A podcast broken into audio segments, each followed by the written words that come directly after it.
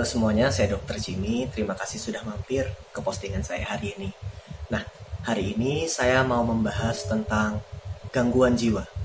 Karena terlalu banyak teman-teman yang bertanya di baik Twitter maupun Instagram maupun chat personal dengan saya yang bertanya, "Dok, apakah berbohong itu gangguan jiwa? Apakah makan terlalu banyak itu gangguan jiwa? Apakah sedih itu gangguan jiwa dan lain sebagainya?" Apakah sebuah kondisi itu gangguan jiwa? Kapan sebuah kondisi merupakan gangguan jiwa dan kapan bukan? Nah, hari ini kita akan bahas tentang hal tersebut ya. Yang menarik dari gangguan jiwa adalah kondisinya yang tidak secara fisik terlihat nyata. Berbeda dengan orang batuk yang kita bisa melihat dengan jelas, terlihat. Atau orang pilek yang kemudian mengeluarkan lendir dari hidungnya begitu ya jelas. Gangguan jiwa tidak terlalu nyata mungkin. Ada yang sedih berkepanjangan, ada juga yang tiba-tiba tidak semangat bekerja, ada juga yang tiba-tiba menjadi sangat aktif, sangat ceria, tapi juga sangat sensitif. Hal-hal semacam ini menjadi sangat membingungkan di masyarakat. Kapan sebuah kondisi itu merupakan gangguan jiwa? Nah, kita banyak mendengar tentang depresi, bipolar, yang kemudian banyak juga diaku-aku oleh orang-orang yang belum pernah memeriksakan dirinya ke psikiater. Yang itu perlu kita hindari. Karena diagnosis depresi maupun bipolar adalah diagnosis medis, diagnosis profesional, psikolog ataupun psikiater yang boleh menegakkannya. Sementara untuk masyarakat awam, saya sarankan untuk tidak. Nanti akan kita bahas kenapa untuk gangguan jiwa sendiri sebenarnya merupakan sebuah kondisi di mana pikiran, perasaan, ataupun perilaku seseorang mengakibatkan adanya penderitaan atau distres dan juga ketidakmampuan dalam melakukan aktivitas sehari-hari. Misalnya bekerja, bersosialisasi, belajar kalau dia adalah pelajar. Yang keseluruhan aspek ini menjadi terganggu akibat pikiran, perasaan, atau perilaku. Seandainya sedih dianggap sebagai gangguan jiwa, Sedih yang bagaimana dulu yang harus kita lihat? Sedih yang mengakibatkan penderitaan berlangsung berkepanjangan? Sedih yang mengakibatkan ketidakmampuan melakukan aktivitas sehari-hari misalnya sampai dua minggu tidak mandi, makan jadi terganggu. Nah ini mungkin merupakan gangguan jiwa. Tapi selama sedih itu berlangsung normal, misalnya ya saya sedih, saya diputus pacar, saya sedih, tapi aktivitas saya ya terganggu sedikit, tapi saya mampu melakukan pekerjaan. Ya menderita sih, tapi ya sehari-hari secara umum saya cukup bahagia Nanti dulu, sedih tadi bukan gangguan jiwa. Sedih berbeda dengan depresi. Sedih itu emosi, depresi itu gangguan. Bipolar berbeda dengan mood swing. Mood swing adalah kondisi emosional seseorang. Bisa saja kita pagi merasa senang, malam merasa sedih atau sebaliknya. Dan itu adalah hal yang wajar dialami oleh manusia. Berbeda dengan bipolar. Bipolar adalah gangguan dan tidak bisa diaku-aku sendiri sering kali butuh orang ketiga profesional dalam hal ini yang menegakkan diagnosis oke okay, kamu mengalami bipolar. Dan itu tidak mudah. Untuk melihat sebuah kondisi gangguan jiwa atau tidak selalu tidak mudah apalagi untuk melihat ke dalam. Namun secara prinsip kita bisa melihat jika terjadi distress atau disability maka pada saat itu mungkin kita perlu memeriksakan diri untuk mencari pertolongan untuk melihat apakah saya mengalami gangguan. Nah, definisi sehat dari WHO dari tadi kita bicara tentang penyakit. Sementara apa itu sehat? Sehat menurut WHO adalah kondisi fisik, mental maupun sosial yang sejahtera.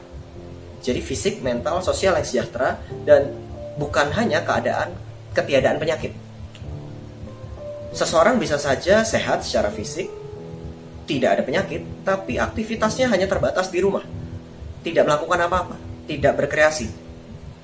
Dia tidak sakit, tapi bisa jadi mungkin dia tidak sehat. Dan pada saat itu dia perlu memeriksakan dirinya. Definisi sehat WHO tadi kan ada fisik, mental, ada sosial juga. Seseorang bisa jadi memang sejahtera, biasa saja, rasanya batin biasa, tapi secara sosial dia tidak banyak keluar dan tidak berkarya. Dia tidak sakit mungkin, tapi mungkin kesehatannya perlu kita tingkatkan. Nah, itu definisi sehat WHO. Jadi bukan hanya tidak ada penyakit. Bukan itu. Tapi seseorang yang berada dalam kondisi sejahtera baik fisik, mental maupun sosial. Oke, sekarang kapan seseorang mencari pertolongan? Ada yang kita sebut 4D. Kita sudah bahas 2D pertama tadi, distress and disability, penderitaan dan ketidakmampuan. Lalu apa 2D sisanya? 2D sisanya adalah D ketiga adalah danger atau perilaku yang berbahaya. Kalau teman-teman pernah menemukan orang-orang yang misalnya suka menyilet-nyilet tangan ketika sedang menghadapi stres atau misalnya yang suka mem membentur-benturkan kepala misalnya ketika mengalami stres. Ini adalah perilaku yang bisa dikategorikan sebagai D yang ketiga atau danger. Perilaku yang berbahaya baik kepada orang lain ataupun diri sendiri. Kalau kepada orang lain pernah melihat misalnya orang yang ketika menghadapi stres sangat mudah marah, sangat mudah memukul misalnya. Itu berbahaya bagi orang lain atau pernah melihat orang yang ketika putus mengancam untuk mengakhiri hidup misalnya. Itu perilaku yang berbahaya Keseluruhan perilaku yang berbahaya ini sudah wajib mendapat pertolongan profesional, tidak bisa ditawar. Semakin lama kita menunggu, akan mungkin semakin mempersulit prosesnya dalam penyembuhan orang yang sedang bermasalah tersebut. Kasihan jika ditunggu terlalu lama. Dan D yang keempat adalah deviance. D yang keempat ini bisa dilihat oleh orang-orang sekitar. Misalnya begini, teman yang kita sayangi ini biasanya tidurnya mudah, kok akhir-akhir ini sudah seminggu tidak tidur sama sekali. Sangat ceria, sangat beraktivitas, sangat bicara banyak. Ada apa? Nah, ini dia yang keempat. Ada perubahan, ada deviance. Atau misalnya sebaliknya, seseorang yang kita kenal ini biasanya ceria. Kenapa dua minggu terakhir murung, menutup diri di kamar, tidak mau bicara, kok sambat pengen bunuh diri terus begitu misalnya. Sudah terjadi di yang keempat, deviance ada perubahan dari perilaku yang biasa dan itu berlangsung dalam waktu tertentu. Jika kita melihat adanya deviance, pada saat itu mungkin seseorang yang kita sayangi tersebut butuh mendapatkan pertolongan. Siapa pertolongan yang dimaksud? Boleh ke psikolog klinis maupun psikiater. Untuk keduanya sebenarnya berbeda, tapi ke mana pun psikolog maupun psikiater akan tetap bekerja sama. Jadi seandainya kamu ke psikolog, lalu ternyata butuh ke psikiater, tentu akan dirujuk. Begitu juga sebaliknya tidak perlu khawatir kita mau mulai dari mana. It's okay. Tapi begitu kita mengenali 4D ini, tidak perlu semuanya tentu saja. Kalau kita menunggu danger untuk terjadinya yang lain, tentu itu sangat tidak bijaksana.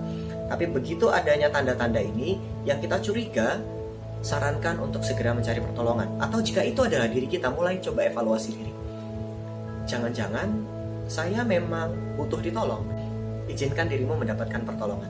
Izinkan dirimu kembali mendapatkan kebahagiaan. It's okay to be not okay. Gak apa-apa untuk tidak sehat, gak apa-apa untuk sementara tidak sejahtera. Asal kita mengizinkan diri sendiri mendapatkan pertolongan. Oke, demikian konten hari ini dari saya. Semoga bisa menjawab pertanyaan teman-teman. Apakah saya mengalami gangguan jiwa? Jawabannya, mari kita evaluasi diri. Apakah ada distress, disability, danger, atau deviance dalam diri kita? Dan jika ada, mari segera mencari pertolongan. Terima kasih.